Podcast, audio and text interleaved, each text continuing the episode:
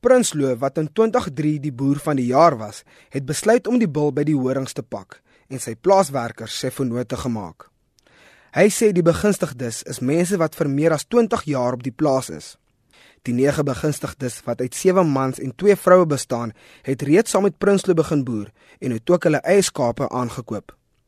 Die boer sê die doel van die inisiatief is om kennis en toerusting met die plaaswerkers te deel. Die projek sal ook verseker dat die volgende geslag nie net die plaas erf nie, maar ook sal weet hoe om te boer.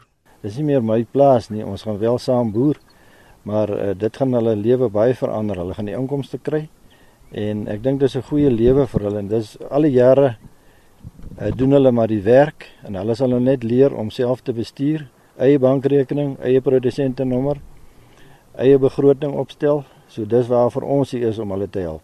Dis dis al manier wat ek dink hoe uh, transformasie kan geskied is deur dat hulle eie die titelakte kan hou. Een van die begunstigdes, Zain Pomani, is opgewonde oor sy toekoms in boerdery. Ja, ek is tevrede, baie tevrede man. Maar sy die help my baie. Ek werk hom saam met hom want ek gaan ook bietjie voorgaan. Ek wil laat ander mense laat my sien. Prinsloo sê alhoewel die vennootskap pas begin het, is ander verwante sakeondernemings alreeds beplan. Die verslag van Marina van Wyk in Smithfield. Ek is Vincent Mofokeng vir SAK nuus.